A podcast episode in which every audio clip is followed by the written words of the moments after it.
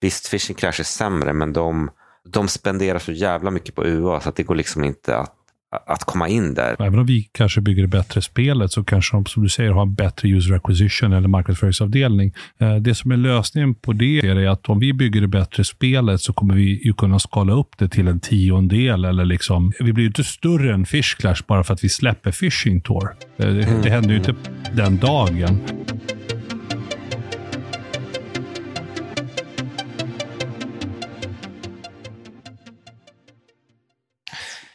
Idag har vi en tredje co-host ska vi testa med. Rade Prokopo... Eller inte, jag, det är sjukt att jag inte lärt mig uttala det.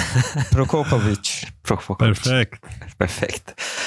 Och eh, jag ska säga, Rade är ju eh, vd för SoSub där jag sitter i styrelsen och äger aktier. Men jag tror vi konstaterade att uh, uh, vad heter det? pump and pump är, det är inte olagligt ifall,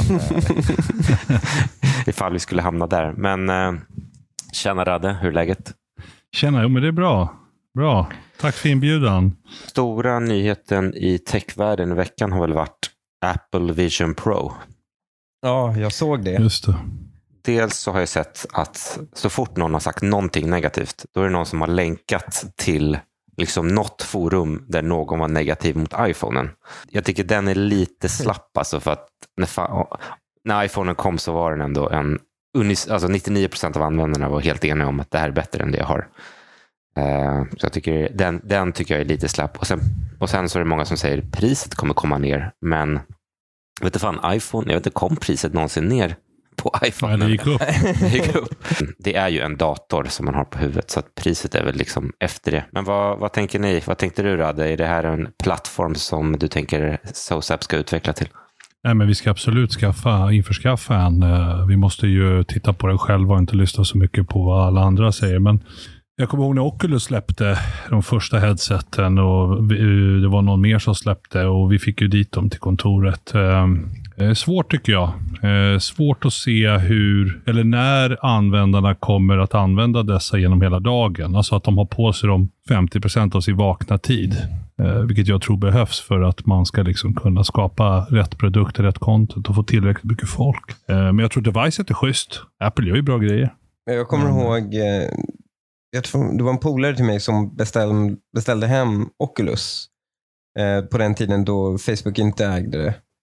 Då det var deras bara sån här dev-versionen.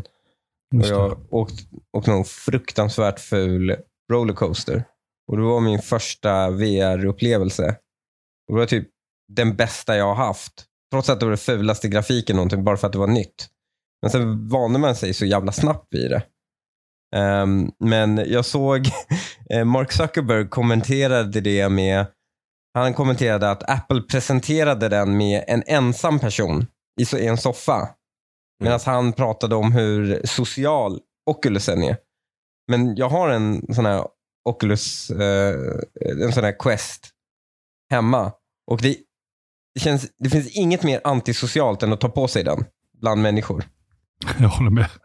Det är fascinerande att App, alltså Apples lösning på det är ju dels att använda enormt mycket teknologi för att ha pass-through. Mm. Alltså vilket mm. är samma sak som att ta av dem. Och sen att, att också då lägga till, jag tror att det är till och med en, om det är en OLED eller LED-skärm som är riktad utåt för att ge en bild av dina ögon utåt.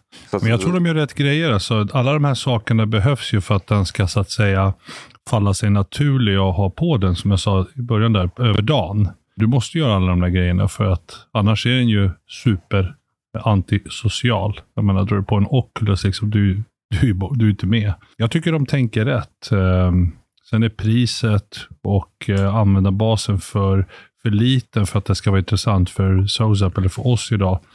I och med att vi bygger free to play-spel, alltså vi tar ju inte betalt för produkten. Men det kanske Men får jag, en... jag ska prova den. Vi kanske får en sån här golden age som det fanns med mobilspel. Då de första som kom ut var att man betalade för produkten. Det var inga freemium-produkter, men de var så väldigt genomtänkta, extremt genomtänkta, väldesignade spel som inte finns längre nästan. Eh, Nej, så, men, men, du får ju inte betalt. Även nej, på den nej. tiden om man jämför idag. Så det är svårt. Oculus, varannan produkt, nästan, eller jag skulle säga varje produkt som är kvalitativ på Oculusen, eh, mina barn har en sån, eh, det är ju att man måste köpa produkten. Mm, Eh, mm. Och vad, vad blir det då? Du köper, men säger jag kanske köper två, två spel per år. Om Ja, ens det. det- Är det inte konstigt att eh, många försöker med de här Game Pass-grejerna. Det som hade mått bäst av Game Pass är kanske Oculus, men det finns inte. Nej, sant. det, det, men Men jag... det, är reten, det är retention. Alltså, Mm, du, mm. du måste ju få användarnas tid. De tillbringar ju liksom x antal timmar på telefonen. Eh, även den kanske mest inbitna eh, VR-användaren. Jag ser inte att han använder den fyra timmar om dagen. Liksom. Det beror på hur porrberoende man är. Men eh, jag, tror, eh, jag tror också, problemet är ju att ha en produkt som oundvikligen gör ont på dig och till slut gör dig trött. För det gör ju alla de här VR. Det spelar ingen Ja. roll hur bra de är. Du, du blir ju oundvikligen trött och sen eh, eh, snurrig efter ett tag. Och jag är nollkänslig f- mot det. Nej, men jag Eh, undrar om, alltså, på 90-talet så var vi bortskämda med hårdvaruinnovationer. Liksom allt från CD-skivan till eh, liksom MP3, USB, alltså det kom grejer hela Mm. tiden. Och sen typ efter iPhonen så känns det som att jag kanske varit mer på mjukvarusidan, men att man är så svältfödd efter att få någon hårdvaruinnovation. Så fort man ser någonting så bara, ah, men det här, är, det här kommer förändra liksom allting. Så, alltså, jag tror inte Apple, Apples mål har aldrig varit att ha liksom den bästa produkten sett till alltså hårdvaran eller content inuti, utan Mm. den ska ju falla naturlig. Alltså, den, den ska vara naturlig för användaren. mm, Som mm. Apple skapade telefonen, så försöker vi nu skapa då ett AR-VR-headset som vi ska tycka liksom är seamless. Det ska Mm. bli en del av vår vardag. Och det är det som är intressant. När eh, AR, och det är en tidsfråga, när AR blir en del av vår vardag, då är det superintressant. Såklart, man får väl börja precis innan, man får ju tajma det, men då är det superintressant att skapa content till, till AR. Eh, men användarna måste ju, det måste ju vara smidigt. Jag har svårt att se, även, det ser ju schysst ut produkten, men det är ändå som ett par skidglasögon. Svårt att se att de glider runt med de där på stan. Liksom. Jag, jag gick tillbaks och kollade idag faktiskt på Steve Jobs eh, iPhone eh, liksom, release speech. Mm. Eh, bara för att liksom påminna mig om hur eh, det låter när det är en riktigt revolutionerande produkt. Och eh, en ganska rolig detalj är att han hånar stylusen. How are we going to communicate this? We don't want to carry around a mouse, right? So what are we going to do? Oh, a stylus, right? We're going to use a stylus. No. No. Who wants a stylus? You have to get them and put them away and you lose them. Yuck. Nobody wants a stylus. So let's not use a stylus. We're going to use the best pointing device in the world. We're going to use a pointing device that we're all born with. We're born with 10 of them. We're going to use our fingers. Alltså, motsvarande för Vision Pro hade på något sätt varit så här, äh, att håna tvn eller någonting. Mm. Eller, men tvn är dock ganska bra för det ändamålet att kolla på film. Så att den är svår att liksom, haha, du sitter i soffan och kollar på tv med dina ögon. Alltså det, Ja, men, det är ändå, alltså, folk uppskattar ändå det. Pro- problemet med alla de här sätten är ju att man köper ju sällan två. De, alltså särskilt om de ska kosta 35 000. Mm. Eh, och vill jag ha, vill jag och min fru, vilket vi gör då, gamea, ehm, så, är det ganska, så är det svårt att dra på sig ett VR-set. Nej, men vi får se. Det här är det första. Jag har inte faktiskt tittat så mycket, Danne. Du sa att de har satt en OLED-skärm utåt för att man ska liksom kunna se ögonen. Förstod jag Ja, rätt, precis. eller? Ja, exakt. Så de har, eh, de har ju massor med eye tracking för att det är det som är, du, styr, du, styr, du väljer ju ikoner som ögonen. Och sen så Ja, men, de, men, människor runt om dig ska liksom uppleva att du är present. Det är därför Ja, de... precis. Ja, exakt. Så de skärmar utåt. Jag tror också att de har ju också någon så pass, de har också någon sensorer i kamerorna utåt som känner av tror jag, när de kollar på dig. Och då kommer den personen att liksom fadas in igenom din. VR-miljö. Och antar då att samtidigt så fadas dina fake-ögon utåt så att personen ser att du ser. Liksom. Men jag, jag hörde någon teori om att, eh, liksom, att eh, en anledning till att Apple släpper den här är ju bara som en sorts hedge mot Meta. Att eh, oavsett vad Meta gör nu så kommer de bli jämförda med eh, Apple Vision Pro. Även om, Apple, alltså, även om Apple Vision Pro är dyrare så kommer folk ändå säga att ah, men kvaliteten är bättre, touchen är bättre. Så att det blir på något sätt att eh, okay, om det här skulle bli skitstort så har man så här, säkrat upp att Meta inte kommer kunna dominera den marknaden. Men eh, jag är fortfarande för mobilen om jag ska vara helt ärlig. Jag ser inte. Det var så, VR kom och de skickade till oss och det fanns massa projekt och sådär. Men det var ingenting. De pengarna som finns i mobil, de är helt andra. Liksom. Och kommer fortsätta vara så, tror jag, ett bra tag. Så för oss är det faktiskt Mobile. När jag blev introducerad till SOSAB, så, eller introducerad till dig, då var det, tror jag att det jag föll för var nog, du har ju entreprenörsbakgrund, eh, du hade ju drivit framgångsrikt eh, möbelföretag och mm. eh, drivit upp SOSAB och gjort mobilspel liksom från ingenting. Kan du inte berätta lite om det? För det var nog det jag liksom föll för i början. Ja, men min eh, entreprenöriella bakgrund, den är lite rolig tycker jag. Men den första företaget jag startade var sådana drop-in solarier. Jag hade mm. på, på Västmannagatan eh, vid Norra Bantorget och jag hade en på Blekingegatan. Och det jag tyckte var så, det som drog mig till det var ju att de var ju automatiserade. Då. Så att man byggde upp dem och sen så eh, var de ju obemannade. Eh, varför är vi anonyma om namnet? Vad, vad heter de? Ja, Soltropé. Soltropé, okay.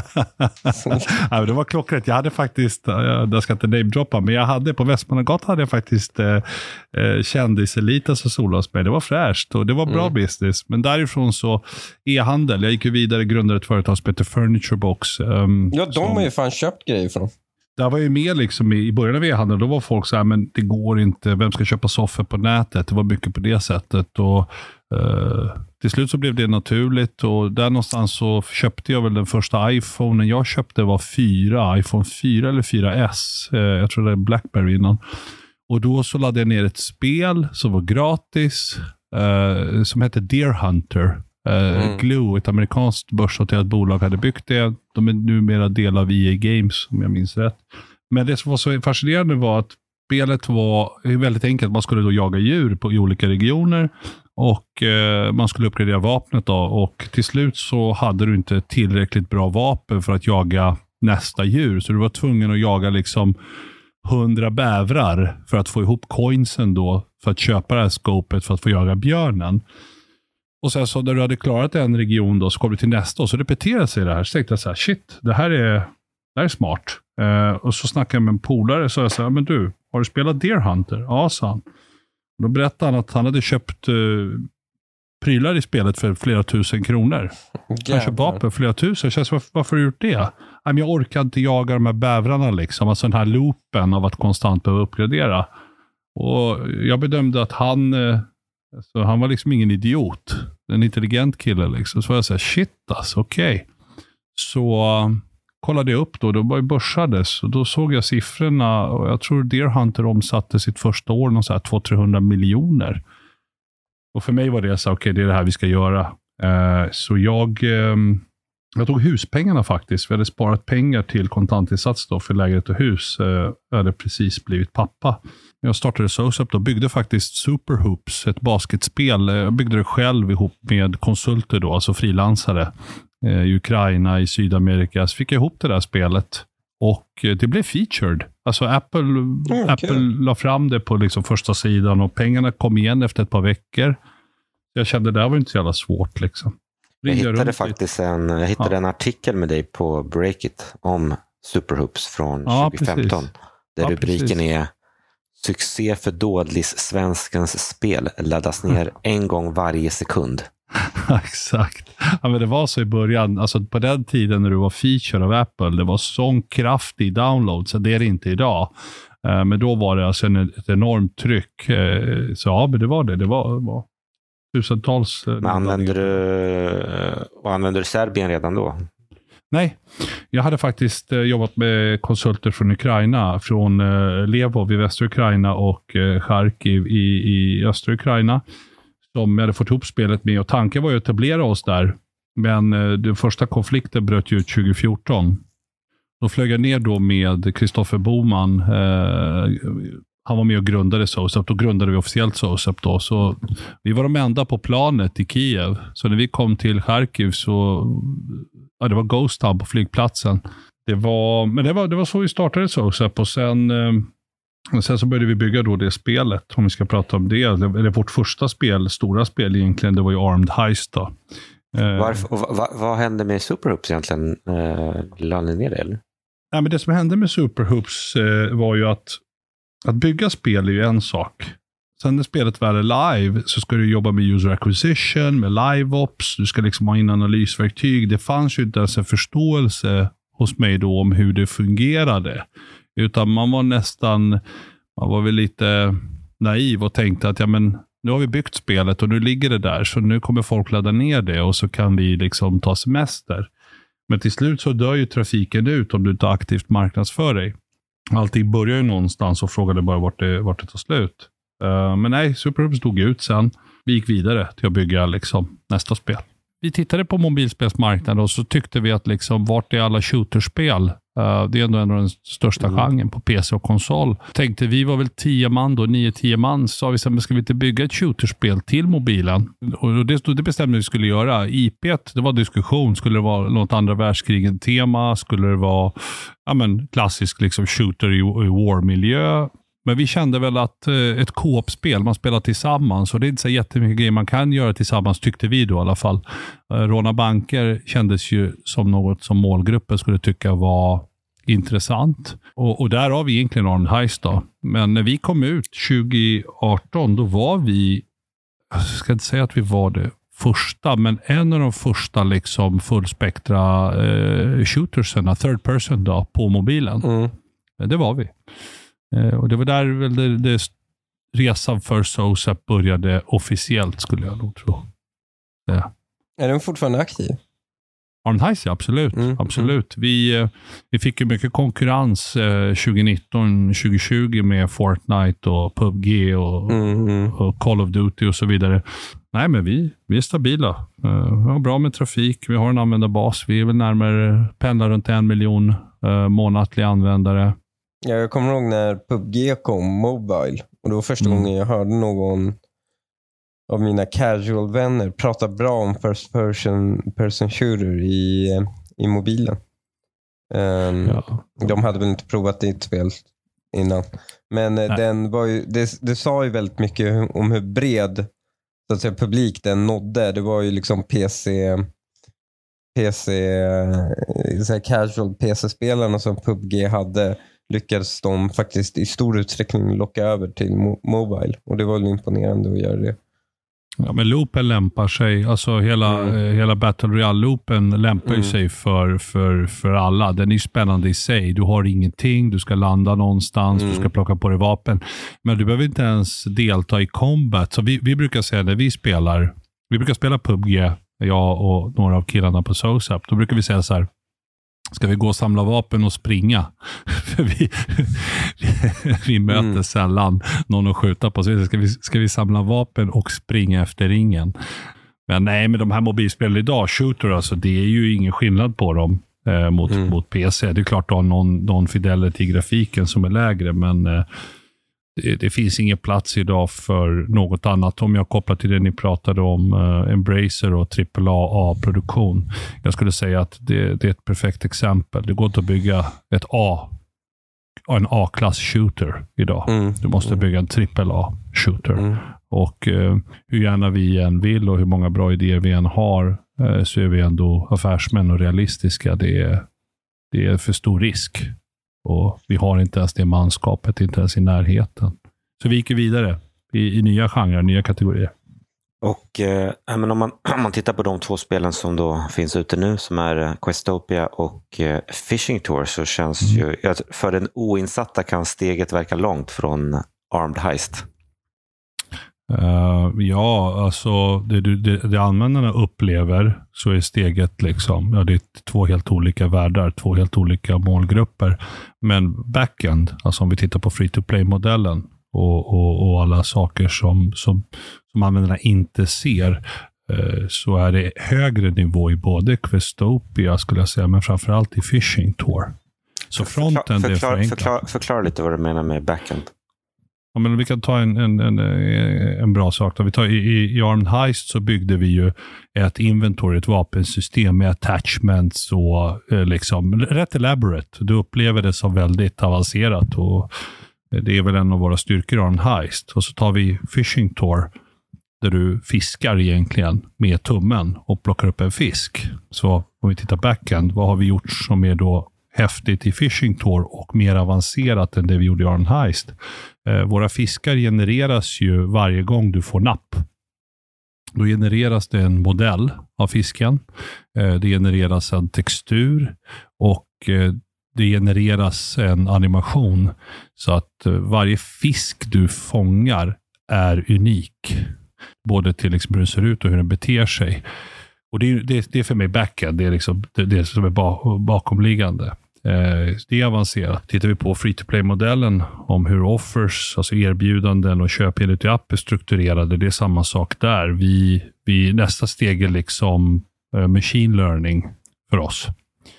Alla, alla delar egentligen är mer avancerade i phishing Tour än vad de är i Armed Heist. Vi har vår egen backend, vi bygger våra egna verktyg. Allt är liksom custom för att passa den loopen och speldesignen som phishing Tour bygger på. Medan Armed Heist använder ju väldigt mycket tredjepartsverktyg. Och då får man ju modellera, man får ju designa om sina idéer utefter vad de verktygen klarar av att göra. Jag, eh, jag kan väl berätta om min läxa jag har gjort. Jag har blivit ombedd och spela eh, Fishing Tour hade jag laddat ner för länge sedan för så, Daniel har pratat så himla mycket om den. Mm. Eh, men Questopia visste jag inte var er, för den har jag fått väldigt mycket reklam för. Mm. Och eh, jag har gjort en eh, jag har gjort det som en mission. För jag får Questopia i form av reklam som man kan spela. Spelbar reklam. Mm. Och eh, jag har gjort det som en mission att spela så länge som möjligt och komma så långt som möjligt på reklam Questopia utan att ladda ner spelet. Mm. och nu pushade mig Daniel över gränsen och jag Fishing Tour ger mig ingenting. Alltså jag, får ingen, jag får ingen kick av det överhuvudtaget. Mm. Men Questopia har jag fastnat för så jävla mm. hårt. Um, den, är, den är väldigt, väldigt bra. Och jag, det, det enda är, det är ju ett spel som, det är ju egentligen ett eh, marshmallow-test. Nämligen, hur mycket kan du vänta med? Eh, liksom, hur mycket kan du grinda och utsätta dig själv för väntan innan, eh, innan du fuskar och köper något. Typ mm. Typ så. Och det, är ju, eh, det man köper är ju då egentligen, man köper bort reklamen, känner jag ganska mycket. Det är väl det mm. mest värdefulla. Eh, och eh, 100% redo att göra det. Um, med tanke på att jag, det är det. jag brukar grinda igenom spelen och sen om jag tycker om det så brukar jag köpa bort reklamen.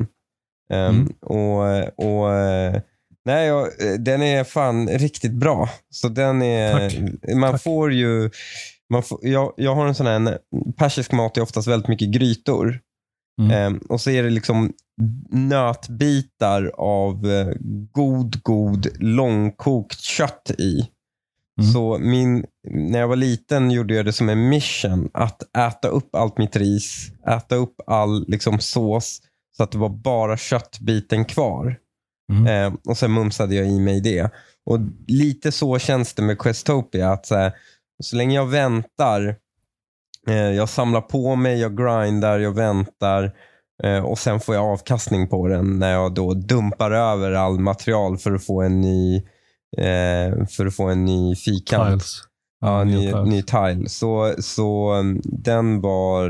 Äh, ja, jag, kan berätta, jag kan berätta kort varför jag tror att um, Questopia, eller spelmekaniken i Questopia är framgångsrik. Och det är, det är prima, alltså vår primal state mm. är ju liksom att harvesta, att hårda, mm. att, uh, att, att liksom, och sen då att explora. Alltså nyfikenheten, mm. vad ligger bakom nästa tile? Uh, det är verkligen back to basics. Eh, jämförbart med många av de här farmspelen, du vet, där du ska så hö och harva mm. hö och sen baka bröd. Liksom. Det är back to basics med den mekaniken.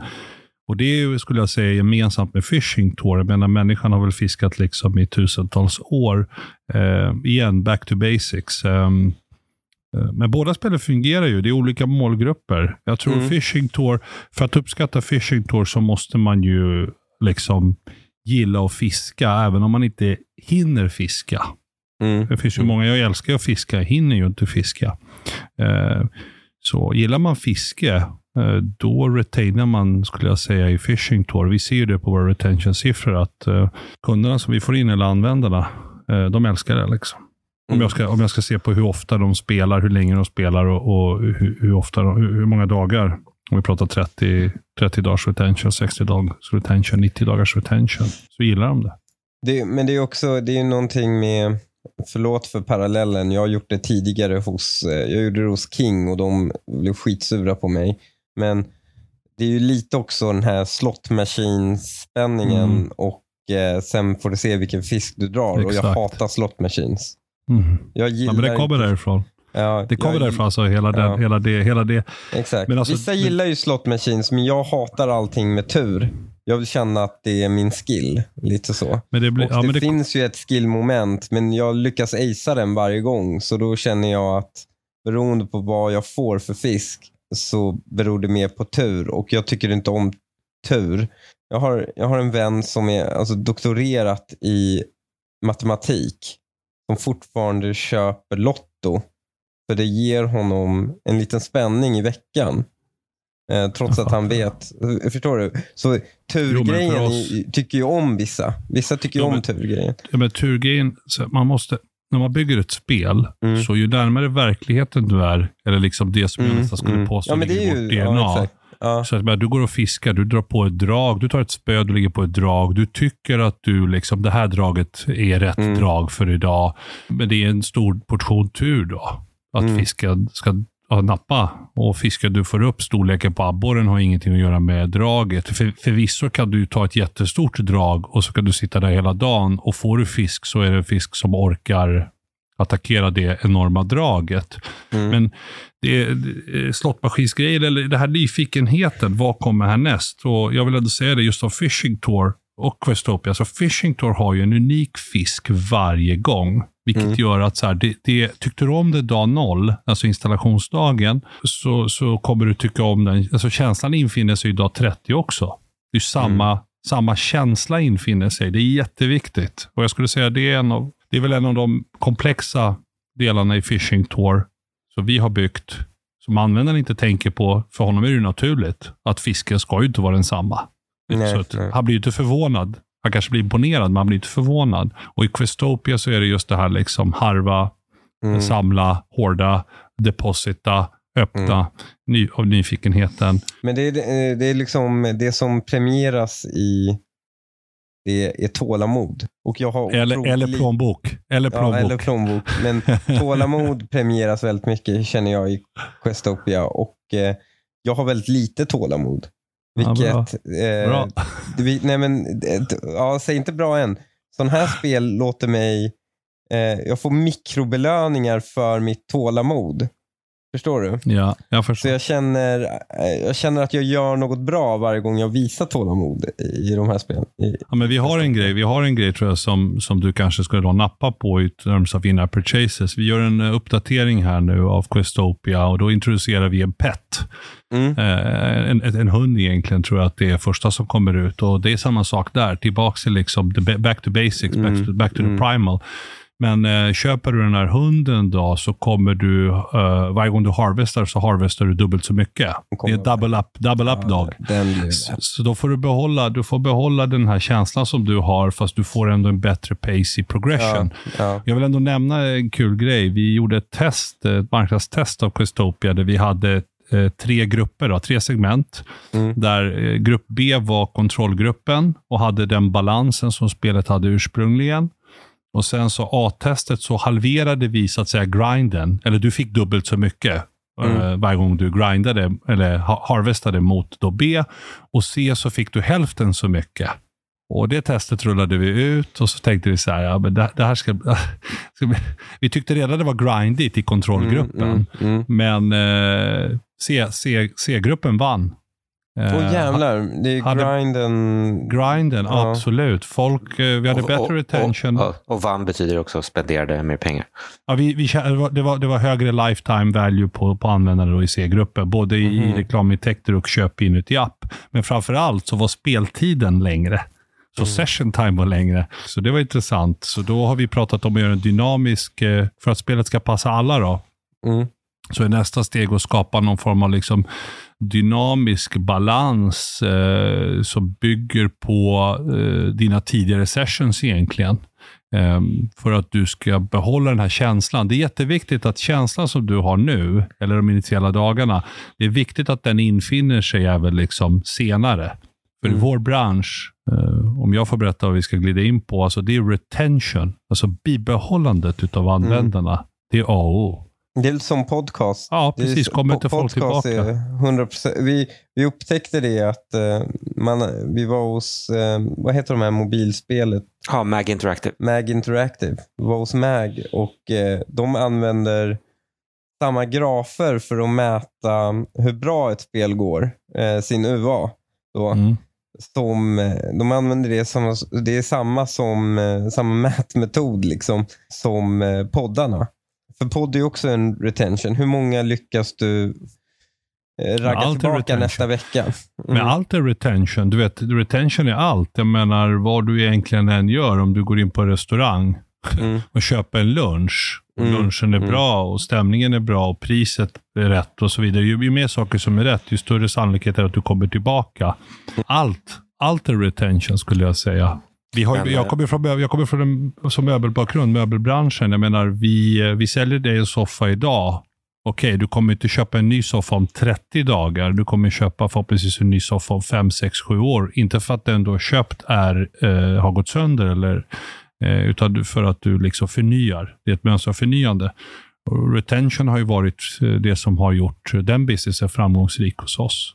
Alltså att gamla kunder kommer tillbaka. Det jag tycker är fascinerande med eh, mobilbranschen och jag undrar också om konsolbranschen kommer gå dit. Det är ju dels att eh, i många frågor så, så är det så här, ah, ska vi göra så här eller ska vi göra så här? Så det är bara en datafråga. Det är liksom ingen som ens, eh, liksom an, alltså, på en bra studio finns det ingen som, liksom har ett, som tror vad som är rätt svar. Utan man, man, går ut, man kan testa och man kan liksom ha testgrupper som är tusentals användare. Mm. Och eh, alla de här små tricken som eh, jag alltid får får höra från dig. Jag kommer ihåg bland annat i, när vi införde Season Pass i Armed Heist. Mm. Så eh, jag tror att ni anställde någon ny kille som, alltså, som bara ställde frågan varför finns inte Premium Season Pass? Mm. Exakt. Kan, kan, du, kan du berätta vad?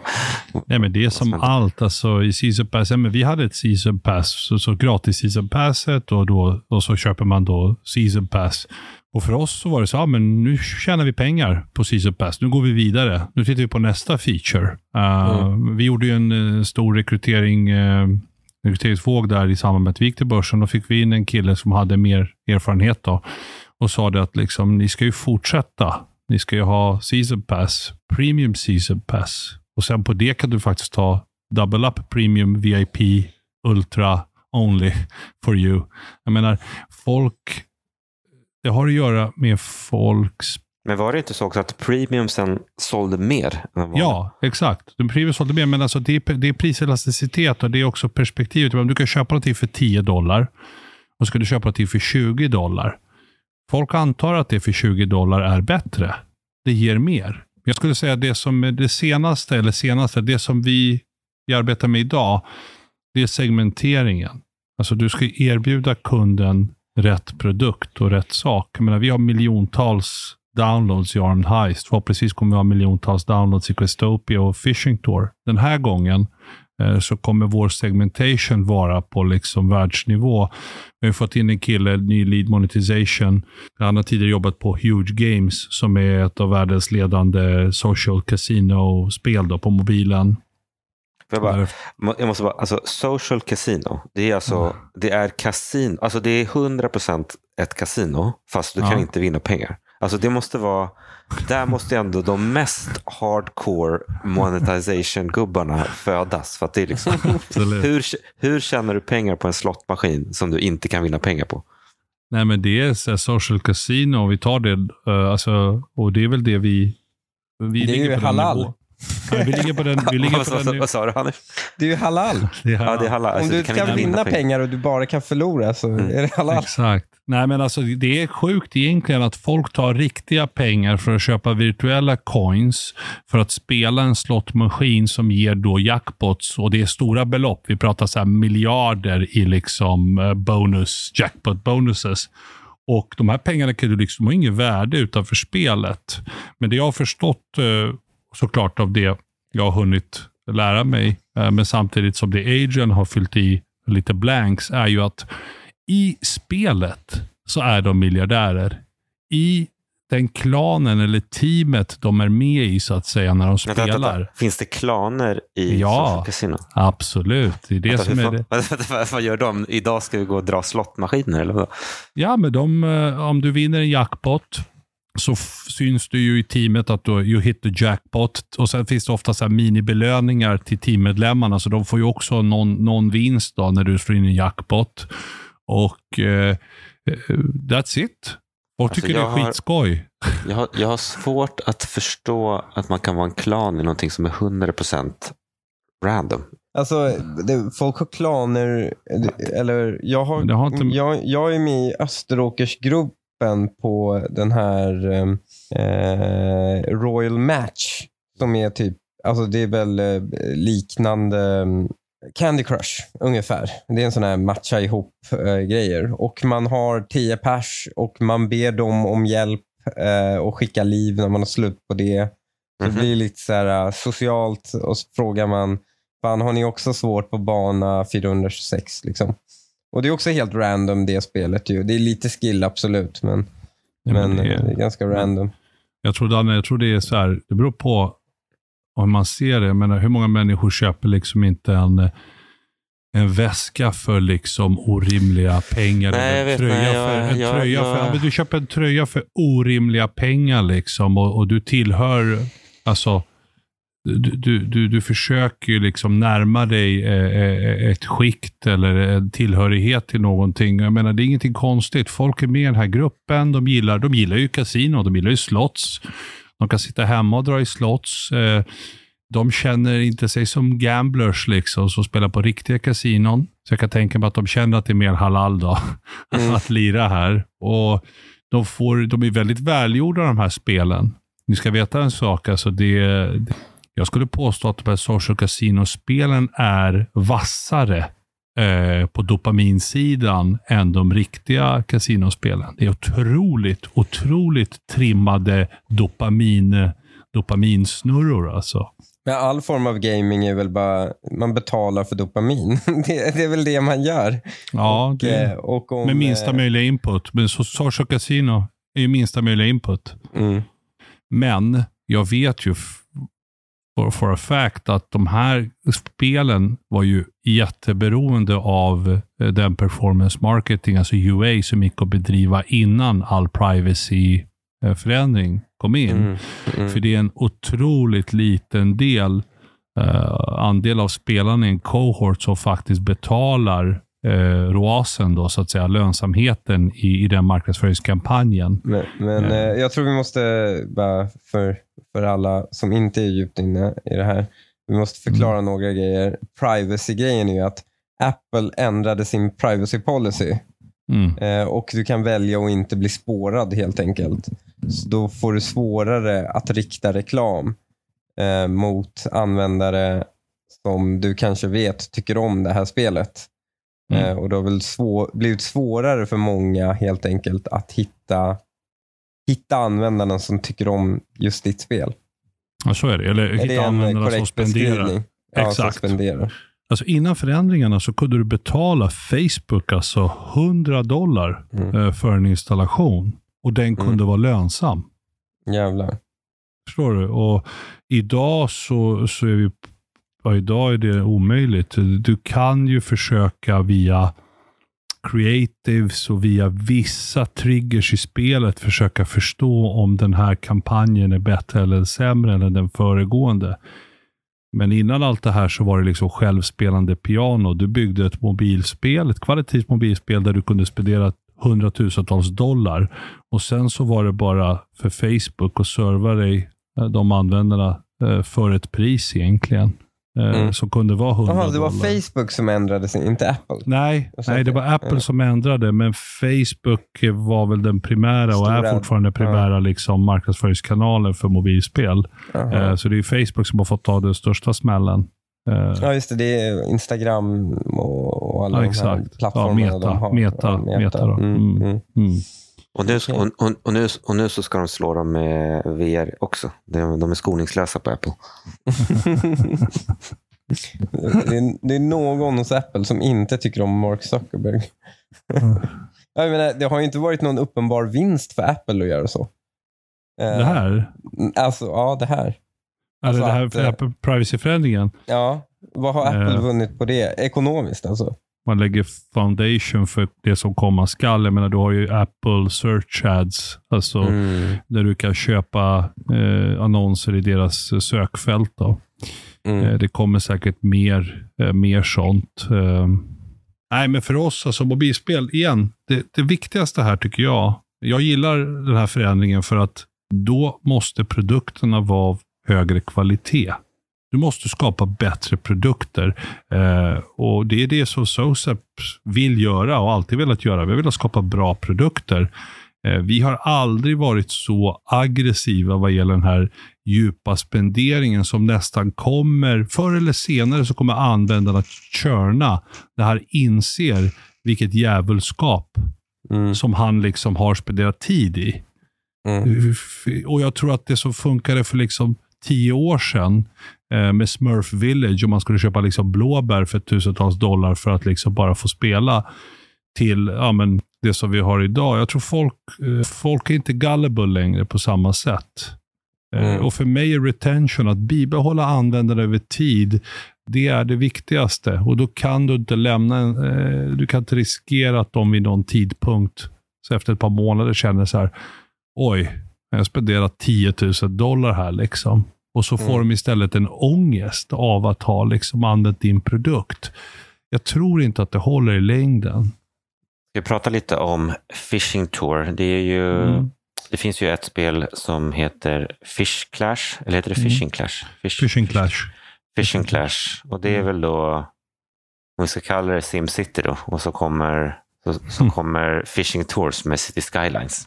Hur, eh, hur, hur har det liksom landat i att identifiera, eh, liksom, ja, hur, har du identifierat den nischen till att börja med? Förra året så hade vi ett år som vi kallar eh, MVP, eller vårt MVP-år, eh, Minimum Viable Product. Vi testade lite olika spelidéer, lite olika genrer, lite olika mekaniker och fiske var ju en utav dem. Hela tanken var ju först och främst att hitta en genre där vi kunde skapa en AAA-upplevelse. Alltså skapa den bättre produkten. Och Fishing Clash omsatte väl 2021 då, när vi såg det 2022, strax över en miljard hade de i gross revenue på det spelet med, med, med bra, bra lönsamhet. Så det är klart, då fick man ju, då blev man ju extra taggad. Sen när vi började spela Fishing eh, Clash då, Eh, större delen av studion, spelade ju då spelet för att förstå vad är som är bra, vad är som är mindre bra och var tjänar man pengar någonstans. Så eh, vi kom fram till slutsatsen att här, vi kan bygga ett bättre spel. Vi kan bygga ett bättre spel, men vi förstod inte riktigt hur de tjänade sina pengar. Vi hade lite olika teorier om det, för de har lite olika mekaniker. Eh, och medan vi byggde Fishing Tour då, så klarnade eh, vi- kunde liksom reda ut vart pengarna fanns. Och i Fishing Clash fall så bedömde vi att det är få spelare som står för en större del av intäkterna. Och eh, det var väl deras akilleshäl då. Då kände vi att så här, vi bygger det bättre spelet där fler eh, finner det naturligt att köpa något i spelet. Eh, Och bättre, en, en del av det som är bättre är väl då dels att då fiskarna är eh, unika som du beskriver. Vad är det för andra vi key kallar, differences? Vi kallar det som är bättre har vi samlat under någonting som vi kallar meta real. Och inte real som är realistiskt, utan real som är liksom eh, veva in. Då. Eh, är ju en del, att det är en unik fisk varje gång. Så att när du fångar en abborre och så fångar du en till abborre, de ser inte likadana ut. Det är jätte, en jättestor komponent i allt det här. Men sen gjorde vi saker som vattnet. Alltså vi försökte och vi fick till ett vatten som är trevligare att se på, mer realistiskt, bättre fidelity. Oh my god, kommer du ihåg det? När man var yngre och det släpptes en ny, ett nytt spel, eller ett nytt grafikkort. Ja, Som exakt. hade en ny effekt. Och det Exakt. första man sprang när man sta- installerade spelet var att springa och titta på vattnet. På vattnet, exakt. Om vattnet exakt. var snyggt. Och jag kommer ihåg en gång, Mm. första gången jag höll på att åka tunnelbana. Och det var mellan Gamla stan och Slussen. Så kom man över bron där. Och Mm. det var riktigt så här, grovt vatten. Alltså, Mm. Och vågorna, det var så här, små, små vågor, eh, men ganska höga. Och Det såg bara totalt orealistiskt ut. Mm. Och det var för, Det är då riktiga första vatten. gången jag tittade på riktigt vatten och bara, shit vad orealistiskt det är. Det är snyggare i mitt spel hemma. Exakt, ja, men det var, då- alltså Fidelity, Fidelity Ja. är en, men det är en grej som, som jag skulle nämna som är rätt intressant och det är laddtiden av spelet. Alltså vi, vi vill ju att folk ska spela varje dag. Vi vill ju att folk ska, så fort de känner att de behöver underhållning, alltså att fippla med telefonen, så ska phishing då vara den naturliga ikonen man klickar på. Och en grej var då att få ner starttiden, alltså tiden från det att man klickar på ikonet tills dess att man fångar den första fisken. Och där är vi nere på liksom världs, ja, det är världsklass på laddtiden eh, så att säga av vår kod då, eller av, av spelet. Så det är mycket så för att säga vad som är bättre. Jag skulle säga så här, min ambition, vår ambition här, är att allt ska vara bättre. Allt ifrån IP till vattnet, till fisken, till laddtiden, till hur man känner sig som en betalande kund efter en månad, efter ett år, måste vara bättre. För om vi lyckas bygga det bättre spelet, så, så första platsen kommer ju med en miljard i revenue. Det är lite så jag Mm, ser på det, man ska mm. förenkla det. Så om en miljard i gross revenue är målet, då ska allt vara bättre. Och då menar jag verkligen allt. Och vi, och vi har, jag är själv operativt med då eh, på, på spel, alltså på designsidan. Jag är med och bygger eh, UI, alltså user interface, alla knappar och menyer och så här. Och det är liksom, när du lägger ner tummen, eh, vilken färg byter knappen till, ljudet som kommer, storleken på knappen i förhållandevis till den telefonen du använder, höjden på knappen mot din tumme, så att säga, tumplaceringen. Vi pratar rätt så anal, liksom. det, det är på pixel, det är på pixel Mm. vi jobbar. Och eh, full disclosure då, jag äger ju eh, ja, vad är det? lite mer än 150 000 aktier och tecknat för teckningsförbindelse för en miljon i nyemissionen. Det, det jag kan bli nervös inför, det är Mm. ju att när jag kollar på konkurrenten som heter Ten Square Games, Mm. då har ju de uppskattningsvis 350 pers som jobbar på Fishing Clash. Och eh, vi är en studio på 30 och då är det liksom så här, äh, missar man något i analysen eller är de bara fat and happy? Är vi den här agila utmanaren som kommer sätta en ny standard? Hur, eh, De är tre, nej, men de är, hur de ska är, du få mig att sova? Nej, men de är kanske 70-80 man på, på Fishing Clash och de är väl kanske lika många är på Hunting Clash. Ja, De är ju 500 anställda. Totalt, ja. Totalt. Men jag tror att de har flera projekt och, och de har ju också varslat folk och stängt lite projekt. Nej, men alltså för att svara på frågan varför, Mm. varför, skulle, eller, varför skulle vi kunna bygga det bättre spelet? Ehm, först så tror jag att när man uppnår en sån där succé, eh, som de ändå har gjort, hatten av, så blir man ju lite fat and happy. Konstigt vore om man inte blev det. Eh, sen tror jag också att man vill inte konkurrera med sig själv, så även om man har haft bra idéer om en sequel till då Fishing Clash, låt oss kalla det Fishing Clash 2, så är det svårt, kan jag tänka mig att det har varit svårt för dem att motivera det projektet när de har ett spel som, som gör eh, de här pengarna. Sen finns det ju andra studios som har sett samma sak som vi. Det kommer två fiskespel. Det har kommit två andra fiskespel i marknaden eh, som eh, dock inte är bättre än Fishing Clash. Jag skulle säga att de är bara väldigt inspirerade av Fishing Clash. Eh, men vi bygger det bättre spelet. Det är inte svårare än så. Det handlar inte om man är 30 man eller 300 man. Eh, Scopet av Fishing Tour kräver inte mer än, än, än, än, än, än, än de vi är. Och eh, vi är på god väg att bygga det bättre spelet. Sen kommer vi troligtvis också behöva skala organisationen. Om vi, om, vi, om, vi, om vi nu bygger det bättre spelet så kommer vi också behöva växa för att liksom kunna copa med förväntningarna som kommer ligga på men du vet, up, updates och allt runt om som ska Mm. ske. Du kan sova gott. Eh, Jag är supernöjd med, med produkten. Jag är supernöjd med, med användarbibehållningen. Men som sagt, jag har stor respekt för det som Ten Square har gjort. Och vi måste vara bättre på varenda pixel. Var är Ten Square baserade? I Polen. Polen? Mm. I Polen. Men det är samma sak för att vi ska inte glömma Questopia. Jag menar, Questopia är ett spel, ett casual-spel i en genre där det kommer spel varje dag. Liksom. Det, kommer, det, kommer, det släpps spel hela tiden i den här hypercore, hyper-casual-genren. Vad är det som gör att eh, Questopia ska vara bättre? Och, kan det, och skulle det kunna finnas någonting i... Alltså okej, säg att man har det bättre spelet, men sen Mm. den andra, en annan stor aspekt eh, av mobilspel är ju liksom det här eh, an, ah, införskaffandet av användare eller user acquisition. Ja. Kan, kan man liksom åka på någonting där då? Att så här, ja, men, visst, Fishing Clash är sämre, men de, de spenderar så jävla mycket på UA så att det går liksom inte att, eh, att komma in där. Även om vi kanske bygger det bättre spelet så kanske de, som du säger, har en bättre user acquisition eller marknadsföringsavdelning. Eh, Det som är lösningen på det, eller som jag ser det, är att om vi bygger det bättre spelet så kommer vi ju kunna skala upp det till en tiondel eller liksom eh, eh, eh, vi blir ju inte större än Fish Clash bara för att vi släpper Fishing Tour. Eh, Det, Mm, det händer ju mm. inte den dagen. Men om vi har byggt det bättre spelet så ska vi ju få in, eh, vi ska få in användare, vi ska ju behålla användarna och vi ska få ett kassaflöde. Det här kassaflödet kommer ju behöva investeras i att bli då lika bra på marketing, eh, data, ja, men allt annat runt om. Så Men att, eh, eh, är det, är det så att ju bättre spel man har, desto mer lönsammare blir user acquisition? Exakt. Exakt. Ja. Ju mer du, om du bibehåller, det är så, så här. Jag vet inte vad Fish Clash eh, har för bibehållningsgrad, låt säga Mm. efter 180 dagar och efter ett år. Men Mm. vi ponerar att Fishing Tour behåller fler användare än Mm. Fish Clash. Mm. Då har vi den starkare produkten.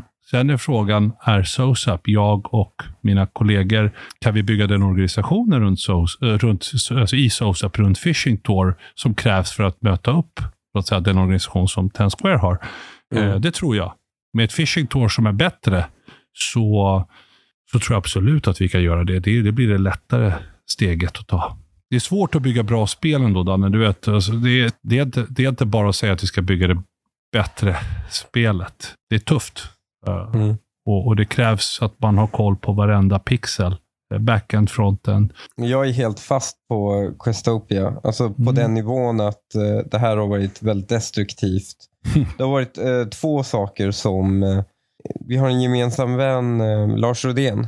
Han tipsade mig precis när min dotter föddes. Tipsade han mig om Diablo Immortal som jag hade missat. Mm. Och den är ju såklart eh, skitrolig första gången du spelar det. Det är ju som en riktig Diablo. Sen är det ju att man måste fastna för grinden, vilket jag aldrig gör. Jag spelar bara Diablo en gång varje gång. Eh, men när den kom då, så hade jag precis, fick jag min dotter och eh, Linnea avskydde ju Lars väldigt länge, eh, min fru, för att jag spelar ju det här spelet konstant. Jag var ju helt fast i det och ville liksom köra färdigt storyn. Och nu hamnar du på shitlisten Daniel för att du har gett Questopia till mig. För jag är så beroende nu av det här. För att ja, det är så jävla kul. Så jag har alltså spelat det under hela det här samtalet eh, samtidigt. så, alltså det är, det är riktigt kul. så så eh, men hatt av för, en, för ett bra spel faktiskt. Eh, Tack så mycket. Riktigt Tack. kul. Nej, det är duktigt. De är, det teamet som har byggt Questopia är bara fyra man faktiskt. Eh, Är det? Ut, ja, fyra man. Än så länge är jag jättenöjd. Eh, Spelet ligger just nu och utvärderas av en av eh, världens största publishers för den här typen av spel. Voodoo heter de. Mm. Och de var superimponerade över produktions, alltså kvaliteten i, i i Ja, produkten. det är väldigt smidiga kontroller. Det är Mm. liksom enhandsfattning. är mycket saker du inte, vissa grejer som du kanske inte tänker på som användare. Men Ja. spelet är optimerat för att inte dränera ditt batteri. Du vet, när du spelar ett spel 30-40 minuter, ja. Så en vanlig sak är ju att de dränerar batteriet, att Ja, telefonen exakt. blir varm. Mm. Mycket sånt också som, som är gjort eh, på bästa sätt eh, i Questopia, men också i Fishing Tour. Men vad gör en publisher då med ett sådant spel? Alltså, varför behövs en publisher? Jag menar, du pubbar ju på alla plattformar det går att ladda De ner har- på. Vad gör en publisher? Det är user acquisition framför allt. Eh, En hypercore, hypercasual publisher har ju redan, jag tror Voodoo passerade typ 5-6 miljarder downloads eller någonting bara för någon månad sedan.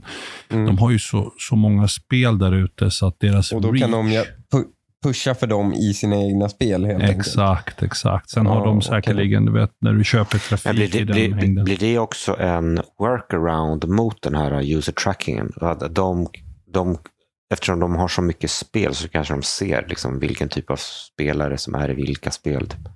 Ja, ja de, har ju, de har ju så mycket data, så jag tror att de via interstitial, alltså själva adsen som man visar för spelet, redan där kan avgöra eh, vem är kunden och eh, hur ser liksom kalkylen ut för det här spelet.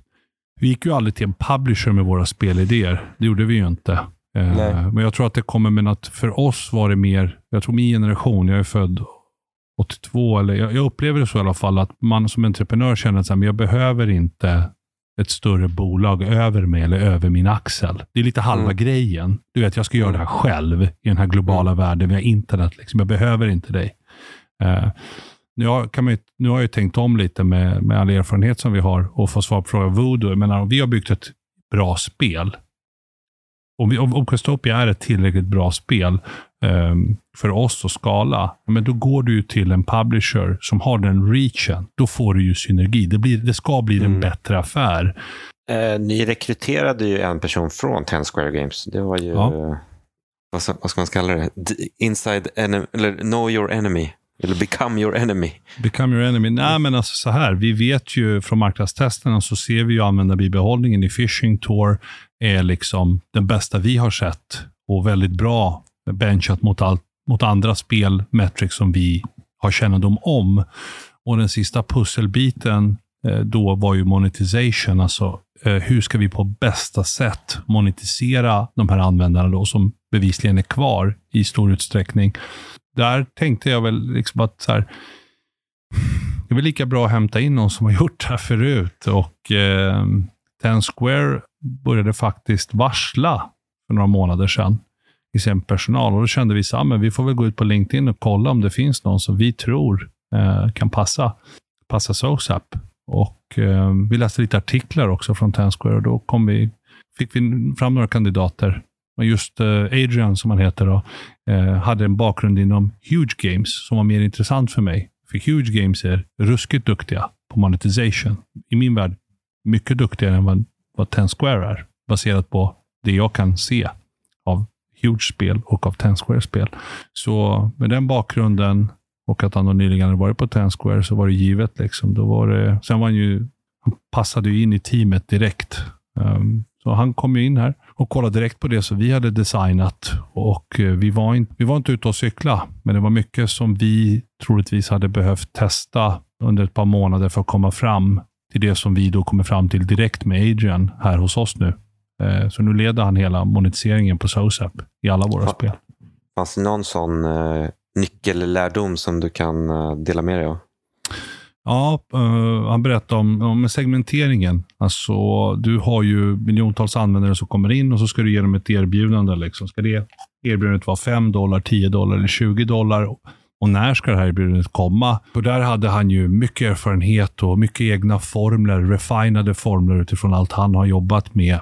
Så nyckeln, ska jag säga, en intressant grej är ju att när någon besöker butiken, alltså shoppen i ditt spel och köper något, då är det en segmentation och han ska då bli visad eh, ett sätt av erbjudande. Har du en kund eller en användare som varit inne i shoppen men inte köpt någonting så går han ju i en annan förgrening. Och eh, när han väl köper något, då, låt oss säga, vare sig han var en eh, någon som hade köpt något i shoppen eller någon som inte hade gjort det, så skulle det följas upp med ett offer direkt efter eh, han köper det första erbjudandet.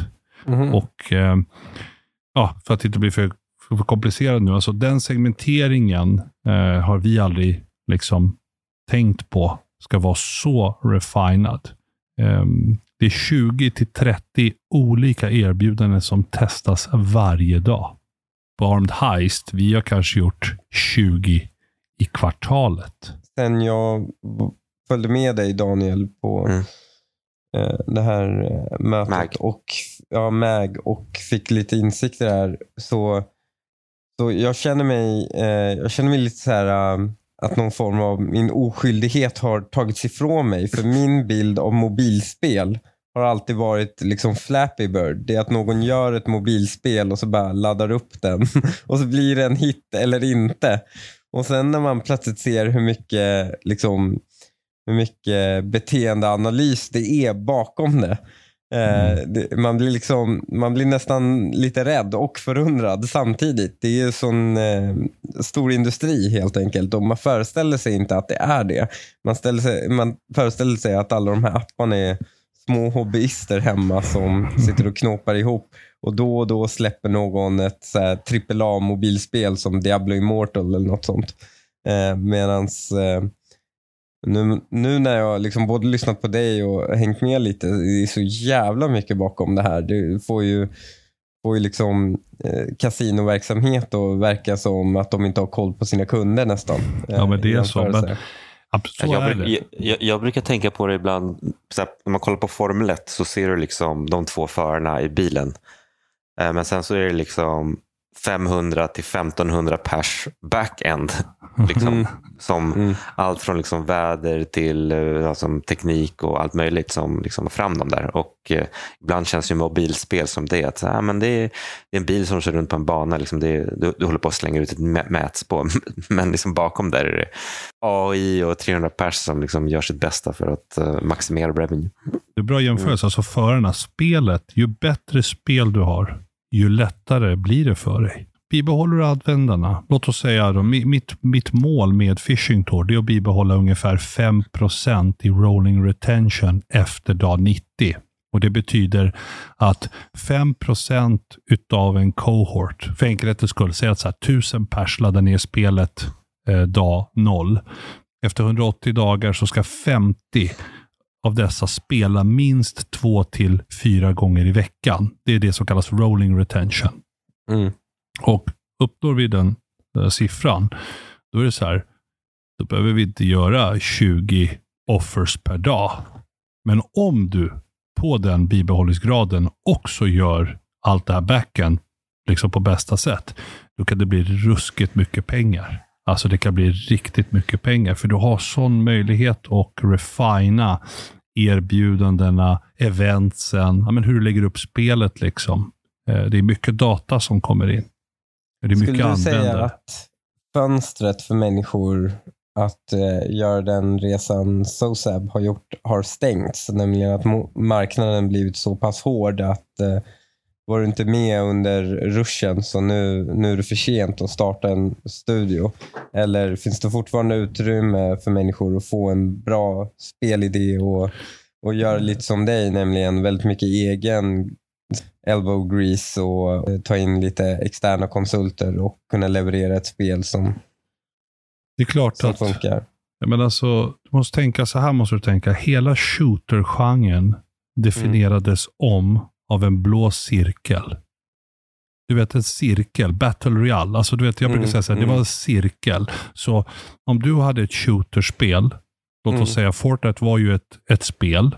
Och sen kom ju PubG med den här ringen. Då. Jag skulle säga PubG Mm. var väl först, ja, de var först ut med, Mm. med Battle Royale-ringen.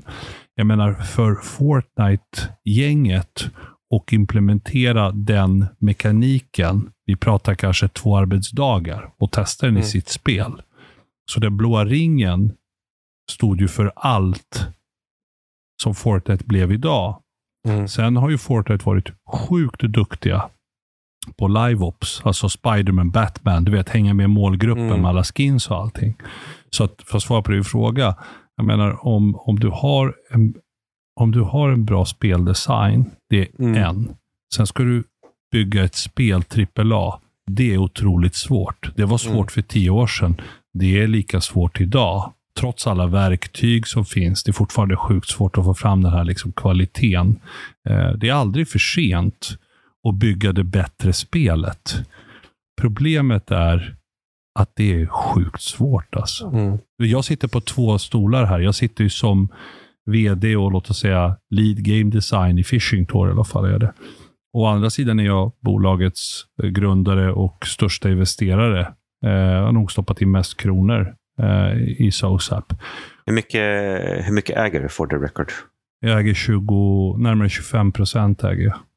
Men en intressant sak här är, ni pratade om Embracers, eh, det här förmågan när, när ska kre, de kreativa, han amerikanen snackade ju om Mm. det, alltså det här kreativiteten. Om du låter folk som är kreativa och som bygger spelet eh, göra som de vill, så kommer spelet aldrig lanseras. Eller hur? Och du har ju på andra sidan liksom de som, har, eh, som betalar räkningarna, som vi säger avkastning, som ligger och trycker på. Och ibland så, så blir det fel i balansen. Ibland tar spelet för lång tid, ibland pushas det ut för tidigt och floppar. Jag känner mig typ schizofren. Jag sitter ju på båda stolarna. Å ena sidan vill jag bygga världens bästa fiskespel i mobilen. Å andra sidan vill jag ju få liksom avkastning på investerat kapital. Men någonting Mobile kan göra är ju att den ut, man kan ju utveckla spelet samtidigt som den är ute, så att säga. Man Eh, kan på det. ett helt Eller man annat ska sätt. det. Man ska ju det. Man ska Eh, och det gör, ju, ah, det gör ju många nu. Alltså, tittar vi på mm, Satisfactory. Alltså det här med att man har, alltså, inte bara nog med att man har eh, eh, early access, nämligen man har ju också eh, bara rena experimental builds Ja, kan du opta in i, i det. I, ehm, så det blir ju vanligare, men ju, när jag laddar ner Fishing Tour, det är inte så att jag känner det här är en ofärdig produkt, utan tvärtom. Jag känner ju det här är en väldigt färdig och mogen produkt. Så. Nej, men den är, mo- nej, men alltså, den är mogen, men eh, i vårt fall så har det handlat om att arkitekturen, det är så, så att säga plattformen som Tor, vi kallar det Tor-plattformen, den måste vara färdig så att när vi väl lanserar den första så att säga fullversionen så ska vi kunna vara framåtlutade och kunna iterera på den datan som kommer in. Alltså bara bygga på features. Så att vi har, jag tycker vi har balanserat det rätt där.